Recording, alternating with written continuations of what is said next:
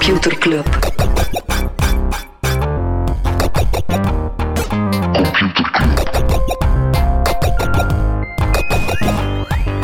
Computer Club. Hey Smolly, Hey Freddy, welkom, welkom terug. welkom. Welkom bij Computer Club, een wekelijkse podcast over technologie. Iedere aflevering selecteren Freddy en ik een interessant artikel en presenteren we een feitje. En gelukkig doen we een wekelijkse podcast. Want ja, wekelijks zijn er wel nieuwe updates over GPT. Het Ja, gaat snel. Het gaat snel. oké, dat was de update. Nee, het gaat, eh, het gaat snel. Het gaat, de, het gaat de, de, ja, de updates komen nu wel heel snel. OpenAI bijvoorbeeld, die lanceren, eh, of die hebben recent plugins gelanceerd voor ChatGPT. Mhm. Waar dat ze eigenlijk ja, een soort platform gaan worden, een app store een beetje. Dus als GPT of ChatGPT is een beetje het iPhone-moment was voor generative AI, dan ja, kan je dit zien als zo de app store.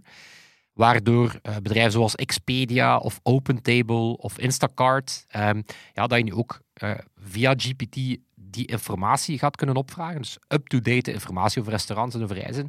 En ook dingen gaat kunnen doen. En je gaat dan ChatGPT dan kunnen zeggen van, oké, ja, boek die reis of voeg het toe aan mijn eh, boodschappenlijstje.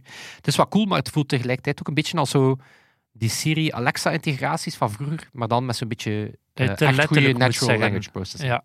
Wat? Nee, bij die Siri-integraties van vroeger moest je te letterlijk zeggen wat er moest gebeuren. Ja, dus eigenlijk misschien is het zo'n beetje de best of both worlds. Ja. Dat je zo op die heel natuurlijke manier met GPT kan communiceren. Ik ga daar zo meteen iets over zeggen. Maar wel met goede up-to-date informatie en meer integraties. Ehm, ook door OpenAI, eh, GitHub Copilot. eh, Microsoft die krijgt nu eh, ook GPT-4 eh, en Bing die krijgt ook DALI. En je hebt het vorige week in een nieuwsbrief gehad over Bart Mhm. van Google, die behoorlijk boring is. Maar mensen moeten maar onze nieuwsbrief volgen. Eruit, tot het gaat behoorlijk snel, weet je wat dat komt? Vertel. Omdat de rekenkracht van computerchips elk jaar, of iedere twee jaar tegenwoordig, verdubbelt. Ja, dat is allemaal dankzij één man. Gordon Moore. Het is niet dankzij één man, maar het is wel de man die, het, eh, ja, die de vlag geplant heeft hè, voor het, eh, ja, wat ze dan Moore's Law noemen. De medeoprichter van Intel, die is overleden, 94 jaar geworden. Heeft voorspeld in 1965 al. In het begin zei hij van de rekenkracht van computerchips zal elk jaar verdubbelen. En later is het dan bijgesteld naar elke twee jaar. Ja, maar toch, ja, het is eh, hele grote figuur. hè. Mhm. Gordon Moore, rest in peace. Om terug te keren naar zo het eh, worden van een platform, Fortnite, die gaan eh, Roblox achterna. Ehm, er was een Game Developer Conference eh, en daar hebben we ja, niet alleen een heel coole Unreal Engine demo gezien, waar dat die ja, graphics echt wel fotorealistisch worden en dat je nu ook ja, heel realistische werelden gaat kunnen maken met heel, met heel groot gemak, of toch relatief gemak. Eh, maar Fortnite die krijgt eh, ook een eigen versie van de Unreal Editor. Eh, want ja, Fortnite wordt natuurlijk gebouwd door de mensen van Epic Games, mensen die ook de Unreal Engine maken. Eh, je had daar al die creative mode, waarbij dat je ja, zelf eigenlijk de, de game wat kon tweaken. Eh, maar nu kan je daar eigenlijk ja, op zijn Roblox ja, volledige games in Fortnite gaan, eh, gaan maken. Dus eh, ja, terwijl dat Meta advertenties maakt over de metaverse, ja, krijg je misschien Fortnite, die het wel echt gewoon doet. Die gewoon zegt van oké, we, gaan, we gaan heel coole interactieve werelden maken. Snap, die is ook een beetje aan de metaverse aan het bouwen. Die gaat hun AR-tools, want daar Snap natuurlijk, eh, Snap zit natuurlijk heel goed in. Die lenses en die filters. eh, die gaan die nu eh, ook effectief white-labeled gaan aanbieden eh, aan andere bedrijven voor ja, in hun webshops. Zo van die ja, paservaringen en zo te doen. Mhm. Ja. Evan Spiegel had er ooit episodes over gedaan, over zijn grote reddingsplan. En daar was zo die enterprise play, was er eentje van. Wel, nu is de eerste... Foursquare eh, achterna. ja, dus inderdaad, ja. Alhoewel dat Snap natuurlijk een hele grote app blijft, maar Mhm. ze gaan toch ook hun, hun omzet er elders gaan zoeken, want ja, voor advertenties, ja, daar moet je de komende jaren eh, Nee. niet te veel van verwachten. Blijven even bij de gaming. Brugse topsportschool KTA Brugge die gaat als eerste secundaire school e-sports aanbieden binnen eh, bepaalde opleidingen. En dan niet specifiek, allee, uiteraard ook wel het gamen op zich, maar ook de dingen die erbij komen kijken, zoals communicatie in team of het ontwikkelen van een professionele attitude. Dus voor topsporters, e-sports, zo. inderdaad, die dingen zijn ook relevant voor gewoon normale topsporters. Makes a lot of sense. Ja. Mhm. Ja, ik vraag me af dat we binnenkort gaan sporten in eh, VR. Eh, Apple die heeft de reality headset voorgesteld. Het is te zeggen intern aan ja, zo'n beetje de 100 belangrijkste mensen in het bedrijf, de 100 topmensen in het bedrijf. Die hebben die reality bril eh, te zien gekregen die op normaliter op WWDC in juni aan het publiek zal Dit voorgesteld is echt de worden. langste running gag ooit geworden. Hè? Ja, maar bon, hij bestaat. Maar, ehm, God bestaat ook. oh, wat? God bestaat ook waarschijnlijk. Ja, maar we Hij nog bestaat. gezien. de bril, nog de bril gezien, van ja. Apple bestaat. Ja, ze moeten er wel iets mee Is doen op die openbaard aan de aankondiging. 100 apostelen. Ja, maar de apostelen waren niet zo enthousiast. Er is Ja, intern, De ook intern veel, eh, veel sceptisch. Ehm, en ja, het wordt gezegd dat ze ja, de verwachtingen gaan moeten bijstellen en zo'n beetje het slow and steady succes van de Apple Watch gaan volgen. Want de Apple Watch is nu een heel populair product. Maar zeker die eerste twee edities was echt wel voor pure fanboys. Dat kon ook niet zoveel. Dat was Mhm. ook echt niet zo'n goed toestel eigenlijk. Dus ja, veel kans dat die reality headset, eh, die heel prijzig zal zijn, 3000 dollar, dat die eh, Oh, de virtual reality check. Klasse, sorry. Klasse, klasse, klasse. Moesten we episode titles hebben op basis van het non-nieuws. Dit was hem. Vanaf 1 april gaat er iets zot gebeuren met Twitter. De blauwe vinkjes, de legacy vinkjes, die gaan wegvliegen. Waaronder dus ook de mijne, denk ik. Ehm, nog zot vinkjesnieuws. Eh Twitter weet al dat er een soort blauwe vinkjes schaamte is. Mensen die betalen voor Twitter, maar tegelijkertijd dat niet zo willen, kunnen tegenwoordig ook ervoor kiezen dat een vinkje verborgen is. Aha, maar je zal het wel weten, want ik zag vers van de pers dat de For You-tab, Ja. de aanbevelingstab, dat daar voortaan alleen nog maar mensen met Blue gaan inkomen. Want volgens Elon Musk is dat de enige manier dat we zeker kunnen zijn Dat iemand echt is. dat iemand echt is. Ja. Ik verwacht dat er wel weer, weer wat mensen gaan weggaan van Twitter. eh. Maar dankzij eh, Elon Musk, eh, of meer bepaald een aandelen optiesplan, eh, voor de mensen die nog bij Twitter zitten, de zes mensen, om die toch een incentive te geven. Ja, Twitter is volgens Musk nu nog 20 miljard waard. Ja, pijnlijk, Kolom van 44. 44 was de prijs die Elon Musk ervoor betaalde. Dus ja, maar hij zegt wel dat hij een duidelijk pad ziet naar een waardering van zeker 250 miljard. Mhm. Dus Ik zie het pad toch? het zit ook pad. Dus wij, dat laat ons nooit Nee. de advertising keert niet terug. Ach, en ja. ik denk niet dat hij genoeg vinkjes kan verkopen. eh. maar over ja, de, ehm, de OG-tweep. eh, Jack Dorsey, Jackie D. Eh, slecht nieuws voor, Mhm. voor Jack Dorsey, die nog altijd bij Block zit. zijn ander bedrijf, die payment, de grote paymentspeler. Hindenburg Research, die heeft Block in het vizier. Nu, wie zijn die? wie is die Hindenburg Research? Dat is een hedge fund. Maar wat ze doen is, ze doen research naar fraude. En die gaan dan een short gaan plaatsen. Dus ze gaan eigenlijk ja, wedden tegen het bedrijf. Ze gaan eigenlijk zeggen van, we gaan heel veel geld inzetten omdat we er zeker van zijn dat koers gaat halen, want dan maken ze die research bekend. Ja, het is wel, coole- het is Ja, wel, eh, het is wel baller.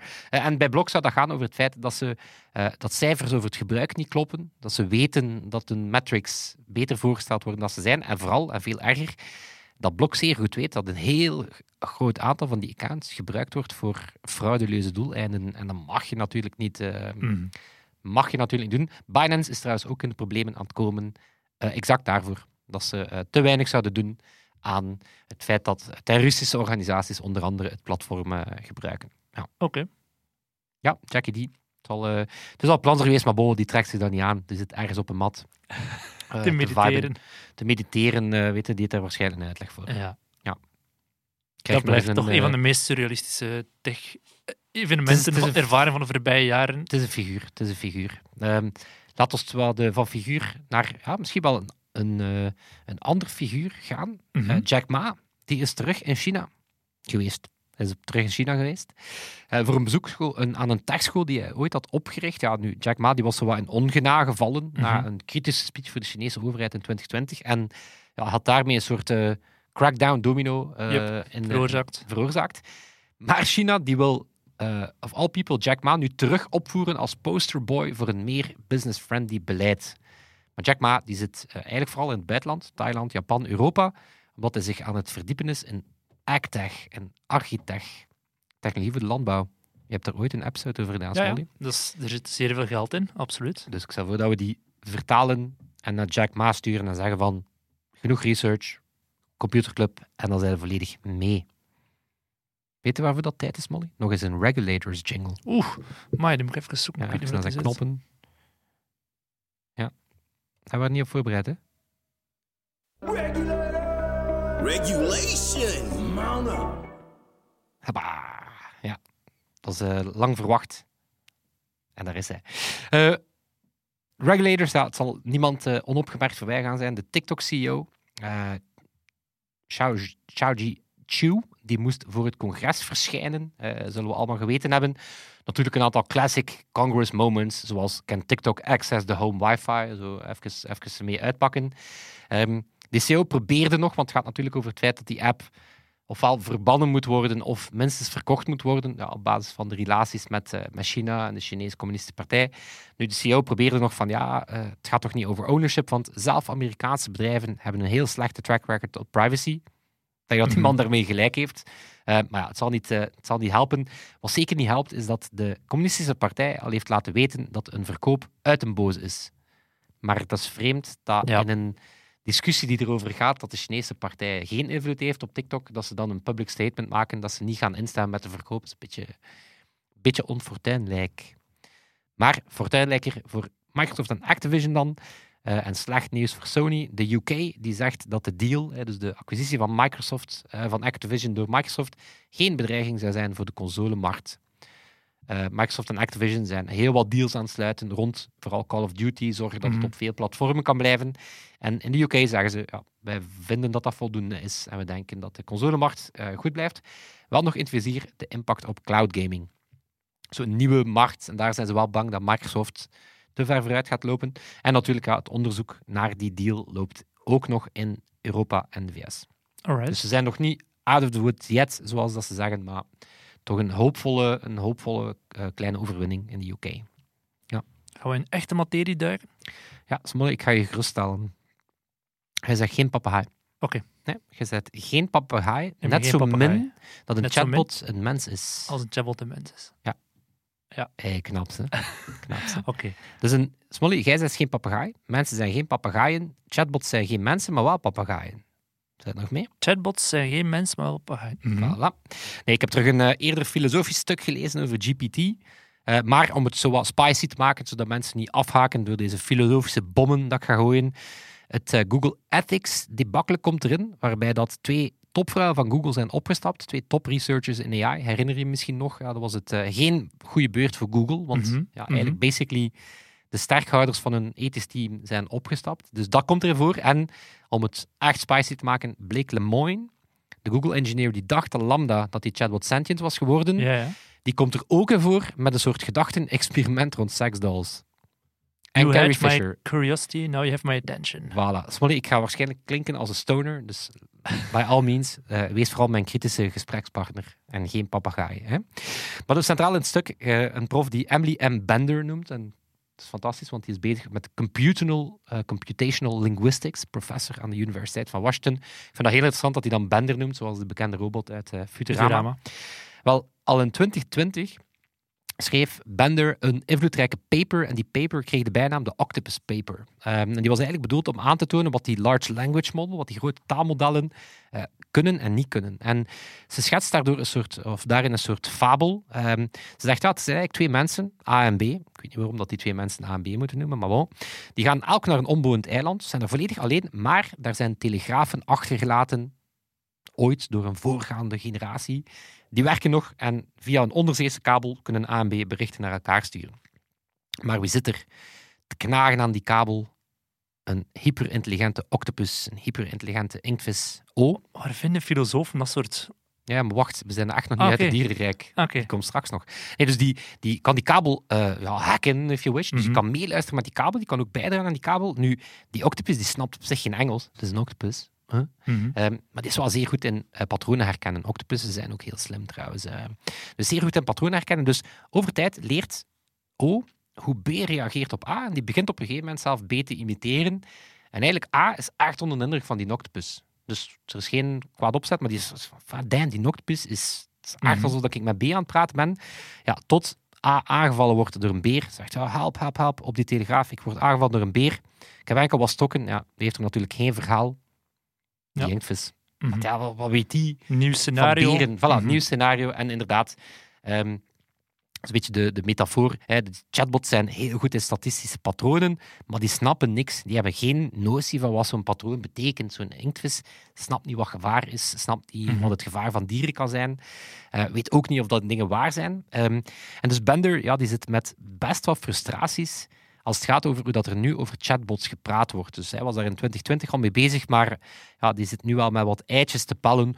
Onder andere met dat soort figuren als Kevin Rose van New York Times, die ja, wereldnieuws haalde met eh, die Bing chatbot die als een incel Ja, ja. donkere gedachten moet doen. Nou, zo, wow, wow, dit is... eh, Daar, daar zegt ze, ja, dit is heel storend, want ja, het helpt niet. Dus Van waar komen daar frustraties?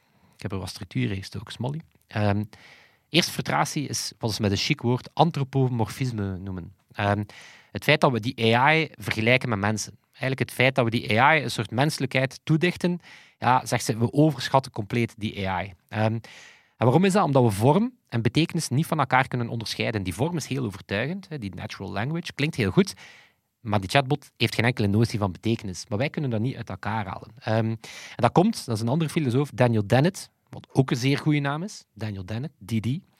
En die noemt dat de intentional stance. Die zegt eigenlijk zijn wij altijd al gewoon geweest dat mensen, makers of de producten die ze maken, ja, dat die zeggen wat ze zeggen omdat ze bedoelen wat ze bedoelen. En dat ze zich bewust zijn van de gevolgen van wat ze zeggen. Mhm. We hebben intentie. Ehm, maar ja, wat, maar nu, we hebben nu AI die tekst kan genereren. En daarvan zegt Bender, we haven't learned how to stop imagining the mind behind it. Wij kunnen niet loskoppelen dat, waar dat wij gewend zijn dat taal normaal gemaakt is door iemand die daarmee iets bedoelt, krijgen we nu gewoon taal om de taal. Ehm, dus we moeten echt wel stoppen met inbeelden dat daar een eh, intelligent wezen achter zit. Ja, we stikken inderdaad zelf ratio in of emotie. eh. Wat? We interpreteren het soms te veel, inderdaad, alsof er Voilà. emotie of ratio Voilà, alsof dat er een, een Mhm. intentie achter zit. Ehm, en Bender zegt ook, ja, die bedrijven moeten ook stoppen met die AI te positioneren als een soort virtueel persoon. Van, als je een Ja, interface kan hebben. Siri of Cortana of Voilà, echt waar een dat je- mens, zo gezegd. dat, dat je interface kan hebben die, waarmee dat je op een natuurlijke manier communiceert, top. top. Maar daarom moet je dat niet voorstellen als een soort buddy-buddy Mhm. die, die die dingen doet. Hè. Dat helpt ook niet. Eh, en ze heeft er wel een goeie, want die Bender is wel een, eh, ehm, eh, is wel een grappig figuur. Hè. Die had bijvoorbeeld... eh, het heeft twee katten. Euclidus en Euler, twee wiskundigen. Uiteraard.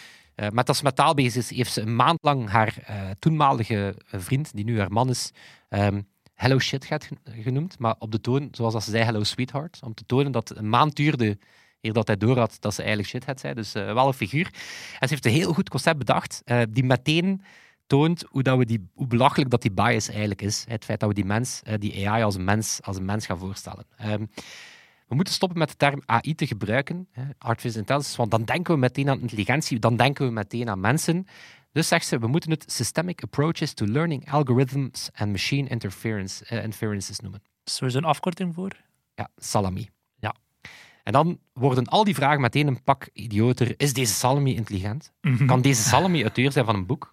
Verdienen salamis mensenrechten? En zo, Ja. het meteen, door het gewoon technisch te omschrijven, wordt meteen duidelijk van ja, wat zijn we eigenlijk aan het doen om een Mhm. computersysteem intelligent te noemen. Eh, krachtige statistiek, maar geen intelligentie. En dat komt, frustratie 2, omdat we eigenlijk ehm, wij banaliseren menselijke intelligentie te veel. Ehm, door AI voor te stellen als een mens, ehm, ja, reduceren wij ons eigenlijk bijna ook tot, tot een computerprogramma. Eh, na de inktvis, tijd voor de papegaai, want da- daar gaat het over. Dus Bender, Bender voert ook een soort stochaïsche papegaai om. Stochaïs betekent willekeurig of willekeurig, maar volgens een bepaalde waarschijnlijkheid. Dus lees een statistische papegaai, if you wish. Maar dan zegt ze, ja, opnieuw, wij mensen zijn geen papegaai, want wij weten waarom dat we dingen zeggen. We weten wat we ermee willen bereiken. En zo'n eh, AI ja, weet dat opnieuw, weet dat niet. Maar ehm, daar stoort zich dan aan, wanneer dat we ons afvragen of dat AI intelligent kan zijn, dan krijg je soms de reactie van, ja, maar zijn wij mensen toch ook niet gewoon robots? Zijn wij mensen toch ook niet gewoon het gevolg van processen in onze hersenen? Zijn onze hersenen ook niet gewoon een computer? Ja, die superrationele benadering. Ja, dus dan, dan zegt ze, ehm, daar, dat stoort Bender enorm. Ze zegt, ja, we willen zo hard dat die language models intelligent zijn, dat we zelf echt bijna bereid zijn om te reduceren tot ja, bijna naapertjes die, Mhm. die, die niet weten waarom dat ze taal gebruiken. Maar zegt ze, dat is nu net wat wij zeer goed weten. Ehm, dus zegt ze, we, ehm, we onderschatten het menselijke brein en we overschatten een computer. En om maar te zeggen dat, ehm, eh, dat Bender wel een invloedrijke eh, prof is, Sam Altman, de, C- de CEO van OpenAI, heeft bij de lancering van ChatGPT een tweet gedaan. I am a stochastic parrot and so are you. Dus die zat er eigenlijk een beetje mee te lachen van, haha, met je, met je kritiek. Hè, zo, Mhm. We zijn toch allemaal papegaaien. Ehm, nu, wie zat er mee achter die paper waarin dat ze die, waarin dat ze die papegaai opvoert? Tim Gebru en Margaret Mitchell, eh, twee topvrouwen van het Google AI Ethics Team, die toen de gevaren van die large language models eh, uitbrachten als academisch onderzoek. En Google wou die paper tegenhouden. Ehm, en dat heeft tot zoveel frictie geleid dat eh, niet enkel zijn ze beide opgestapt of moeten opstappen. Uh, Margaret Mitchell heeft die paper, paper dan alsnog ondertekend als Schmargaret Schmitzel. dus dat, dat, dat hard. Ja. En dat gaat eigenlijk over frustratie nummer drie. Dat gaat over ja, bias. Dat gaat over het, het feit dat die uh, taalmodellen inherent vol zitten met voordelen. Ja, het is gebaseerd mm. op het internet. En het internet is vooral westers, wit. Er zit wel eens racisme in, er zit wel eens seksisme in homofobie, al minder fraaie kanten van de mens. Um, ja, en dus techbedrijven um, ja, blijven eigenlijk gewoon in dezelfde val lopen van datasets te gebruiken die eigenlijk chockvol zitten mm -hmm. met, uh, met biases. Dus daar heeft Bender en dan met name ook uh, samen met uh, Gebru en Mitchell ja, een eitje proberen mee, mee pellen. Maar ja, bon, bij het geval van de Google topvrouwen met gemengd succes. En dan de laatste frustratie is ja, het nut, um, die fixatie die Sam Altman en anderen hebben op zo die artificial general intelligence, die fixatie op singularity. Van ja, waarom willen we per se dat we willen aantonen dat AI zoals mens kan zijn en nog beter kan zijn. Um, en dan had je bijvoorbeeld Joseph Weizenbaum, die ooit Eliza gemaakt heeft. Kun je die nog kent? Dat was eigenlijk de eerste chatbot ooit. Uh, was eigenlijk uh, sneaky, die had uh, gewoon een chatbot gemaakt. Ik denk in de jaren 60 of 70, lang geleden. En die imiteerde een psycholoog. Dus die chatbot stelde gewoon vragen als ja, waarom denk je dat dat zo is? En hoe was je? de band met de moeder? En die had toen al gemerkt van, ja shit, mensen ja, beginnen die te vertrouwen. Hij had eigenlijk heel zijn leven spijt van dat experiment. Omdat hij ook zegt van, ja, het, het, hoe meer dat je mensen met machines laat merken, en machines die dingen van hen overnemen, ja, hoe meer dat mensen zichzelf ja, beginnen onderschatten en denken van, ja, weet je, ik ben ook maar een machine dan. Dus Mhm. inherent aan die... ehm, ja, die fixatie op super AI ja, betekent eigenlijk dat wij als, als mens eh, reduceren tot, ja, tot een, eh, een marionet of zo. Maar ik had je nog een seksrobot beloofd. Ja, ik zat er al heel tijd te Het wachten. is een soort encore. Zo. Dus bleek Lemoyne, Google-ethicus, die zijn job verloor, ja, omdat hij het wereldnieuws haalde dat eh, een chatbot van Google sentient was geworden. Zoals dat er ja, intussen veel mensen zijn die, eh, die ook zeggen van wauw, wauw, wauw, wat die hier antwoordt. Ehm, ja, het gaat denk ik niet zo goed met die Blake. Ehm, de journalisten van het stuk eh, gingen met hem spreken natuurlijk, ja, in het kader van dat stuk over Bender. Mhm. dacht, ja, we gaan eens met Blake Lemoyne spreken. Nu, eerste opmerking... ehm, dat hij zei tegen journalist was, ja, maar 50 jaar geleden was werd jij ook niet als een volwaardig mens beschouwd, als vrouw. Oké, toffe, toffe opener van de koffiepraten. zo. Dus dan zegt hij van, ja, jij had ook geen rechten, dus ja, jij werd ook gereduceerd tot... eh, Mhm. Oké, bon, eh, tof. Maar dan komt een, tussen aanhalingstekens, ja, gedachten-experiment. Die zegt, ja, wat als ik een sekspop heb die op Carrie Fisher lijkt? Ik heb echt geen idee waarom dat, Princess, waarom dat die pop ook op... Zwat, maar dus letterlijk zijn woorden van, kijk, ik heb een seksbot, ik steek daar een GPT-chatbot in. Oké, wat als die pop nee zegt? Is dat verkrachting? Waarop de journalist antwoordt, ja oké, maar wat als die pop nee zegt? Het is geen verkrachting, maar jij raakt eraan gewend dat dat, dat maar mag. En dan zegt die Blake Loin, ha, voilà, dat is de kern. Of dat je dat nu als een echte mens of niet beschouwt, we gaan dat wel behandelen as such.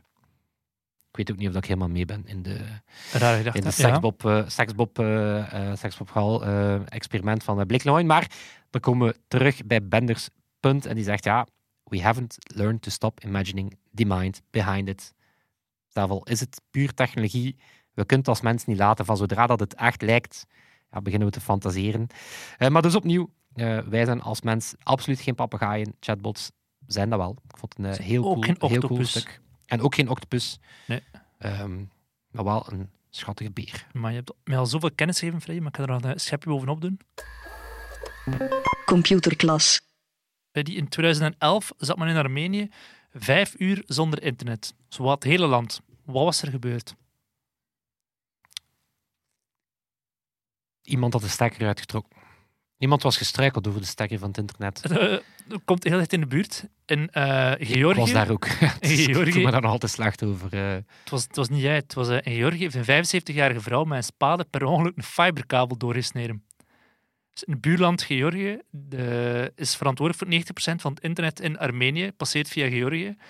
En een vrouw die was op zoek naar eh, koper, ja, zo koper om als groot Ah, te het is verkopen. niet, ik was al aan het denken van arme vrouw, maar zo... Nee, nee. Ja, het was wel, het was wel zo'n arm vrouwtje die met een schop in de grond. Ja, het was en- een letterlijke arme vrouw, ja. Ja, ja, ja. En letterlijk zo op per ongeluk pets eh een fiber. Want die fiberkabel zou er ook totaal niet mogen liggen, maar die was vermoedelijk dan door, door ehm, aardverschuiving of een zware regenval een beetje meer bloot komen te liggen. Per ongeluk met een schoppads in een fiberkabel gestikt. Security team er meteen op afgereden, want die dacht waarschijnlijk al, oh help, dat is hier buitenlandse bedreiging of whatever die onze infrastructuur platlegt. Ze hebben dat, dat arme vrouwtje gearresteerd. Die is de, ja, even nog in voorrechtenis gestopt. En is, in de artikel van The Guardian was nog sprake van ze zou tot drie jaar kunnen eh, in de gevangenis vliegen, omdat ze, ook al was niet bewust, per ongeluk dingen eigenlijk mag dat niet. Eigenlijk moet, je ze, eigenlijk moet je ze berispen voor het feit dat ze dat verkopen diefstal. Ja, ja. Maar zo de gevolgen daarvan, alleen zo... Allee, ja. Maar ik vind het wel eh, straf dat dat kan. Ik zit zo al voor me ook dat Poetin dan al West-Vlaamse uh, vrouwtjes in, in, in gang zou steken om hier de koperen, allee, de Dat is, fiberkabels dat is een te. Herinnert u de Nederlandse marine? Mhm. Die hebben eh, vermoedens gehad dat ze de Russen gestakt hebben op de onderzeese internetkabels. Dat zou met een grote schop. Ja, met een gigantische schop beeld ik mij dat dan in. Want dat is ook zo het ding, dat, dat is dat echt een... een, een ehm, ja, dat kan het hele internet echt de facto Ja, op plat tuurlijk. leggen. hè. Dat Mhm. zijn gigantische onderzeese kabels. En ja, als je die effectief... Ja, kan dat heel moeilijk bewaken of zo. Dus als je daar effectief met een grote zeeschop op gaat... Gelukkig hebben we de Nederlandse marine die alert is voor dat soort... eh, voor dat De West-Vlaamse marine. Ja. Die zit chicorij te drinken. Sorry. Schoon. de West-Vlaming. Eh, kom weer naar boven.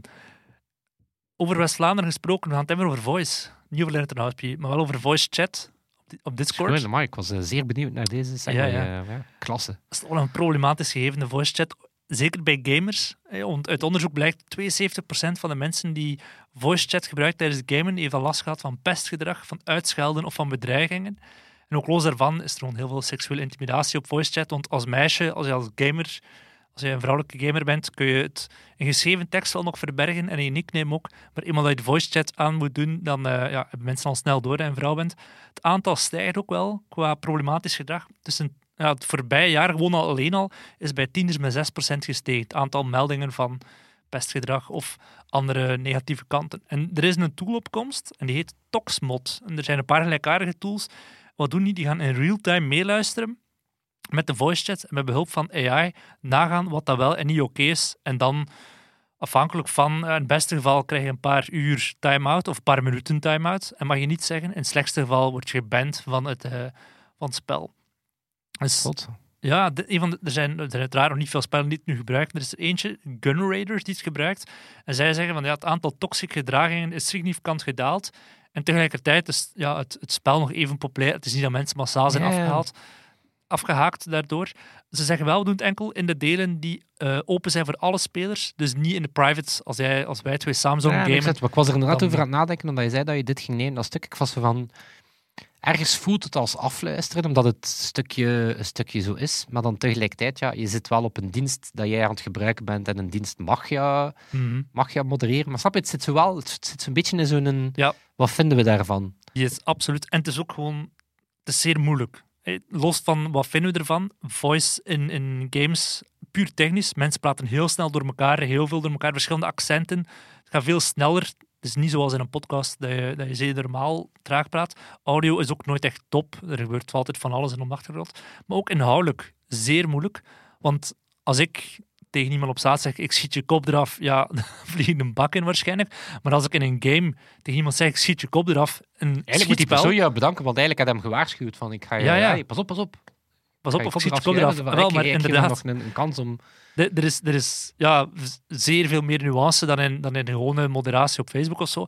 En mensen gaan ook codetaal gebruiken. Inderdaad, dat is zo altijd het spelletje, dat is zo de whack-a-mole, Ja. zoals bijvoorbeeld in China, waar dat ze heel veel censureren. Nou, daar staat er altijd wel een nieuwe beeldspraak. eh, Yes. Of ook gewoon, ja, als hij met Karen speelt, Karen, eh die vriendin. Karen Karen. Ja, ja, Karen, Karen. Maar ja, als iemand anders aan een Karen noemt, is dat dan haar naam? Is dat een scheldwoord? Dus wat zeer veel meer moeilijkheden dan in het gewone leven. Maar de reactie van dat bedrijf, dat heet Modelite, die gaan nu naar de game developers. Zij mogen een test doen. Die zeggen altijd, die developers, nadien, we wisten dat het slecht was, dat er sowieso toxisch gedrag was, maar niet dat het zo extreem slecht was. En het gaat, het gaat verder dan gewoon bepaalde keywords zoeken, want het is echt AI. We hebben het er net al genoeg over AI gehad. Dus het is niet gewoon als het woord eh, loser valt, ja, dan ben. Het is echt wel trainen en zien van, Ja, oké, In dit geval zijn patronen wat hij wel degelijk zoekt. Dat je inderdaad ja, zegt van, weet je, intonatie. die, Intonatie is ook zeer... Maar ik zeg het, ik schiet je kop eraf, oké, maar op welke Ja. toon wordt dat verteld? wat ook een uitdaging gaat zijn, is de lokalisatie. Lokalisatie op welk vlak? Maar je kan eh, alle verschillende talen, culturen en zo. Want oké, Ja. je, kan, je kan dat gaan vertalen, Als maar een Canadees zegt, je, cultuur... je kop eraf. Wat? Als een Canadees zoiets zegt, is Als al... Limburg, als een Limburg dat zegt, oké, dan moeten we die meteen arresteren, want ik denk dat Die Limburg dat. nog nooit zoiets gezegd heeft. eh. Ehm, nee, maar de, de, de false positives lijkt mij ook Ja, wel. Nog, eh, nog pittig. Ehm, ja. Ik, onlangs was ik Call of Duty aan het spelen en er was er zo iemand die, mij, die mijn nickname gereport had. Wat is jouw nickname? Nog Le, een Freddy? Le, Le Freddy.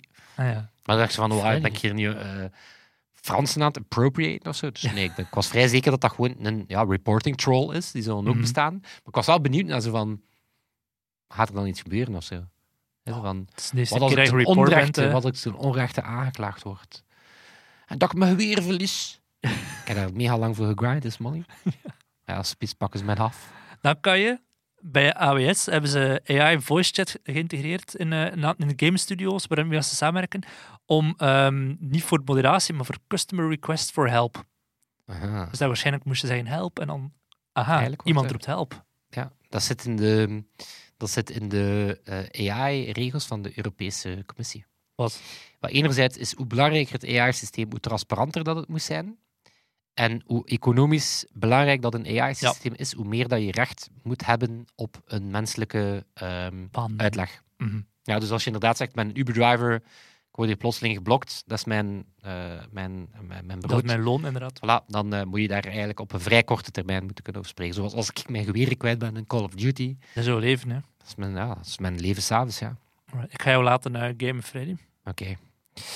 Maar wie spelen we ook graag? Met Toon en Sebastian, maar niet met hun voeten. Nooit met hun voeten, alhoewel zij spelen wel met onze audio, met onze stemmen. Absoluut. Ze doen ons professioneel klinken, wat niet altijd makkelijk is, want we geven hen heel weinig om mee te werken. En toch maken ze er iets fantastisch van. Merci Sebastiaan en Toon, die deze week de edit doet. Ook merci aan onze vrienden van de show. We komen zeer binnenkort weer met wat leuke aankondigingen. Eh, maar daar gaan we jullie nog eventjes laten op wachten. Zeg Maar onze vrienden weten dat altijd als eerste. In primeur, hè. Dus vriend.computerclub.online. Vrienden. Vrienden.computerclub.online. Ja. Ja. het zou maar raar zijn, moesten maar één vriend hebben. Ja, zo één iemand en de, degene die ons meest betaalt, onze vriend. En ik denk, denk dat dat gewoon een economisch exclusief model is. Mhm. Ja, voilà. Nee, we zijn, eh, we zijn heel inclusief, dus hoe meer, hoe beter. Yes. En dat zal het zijn. Tot volgende week. Yo. Yo. Computer Club.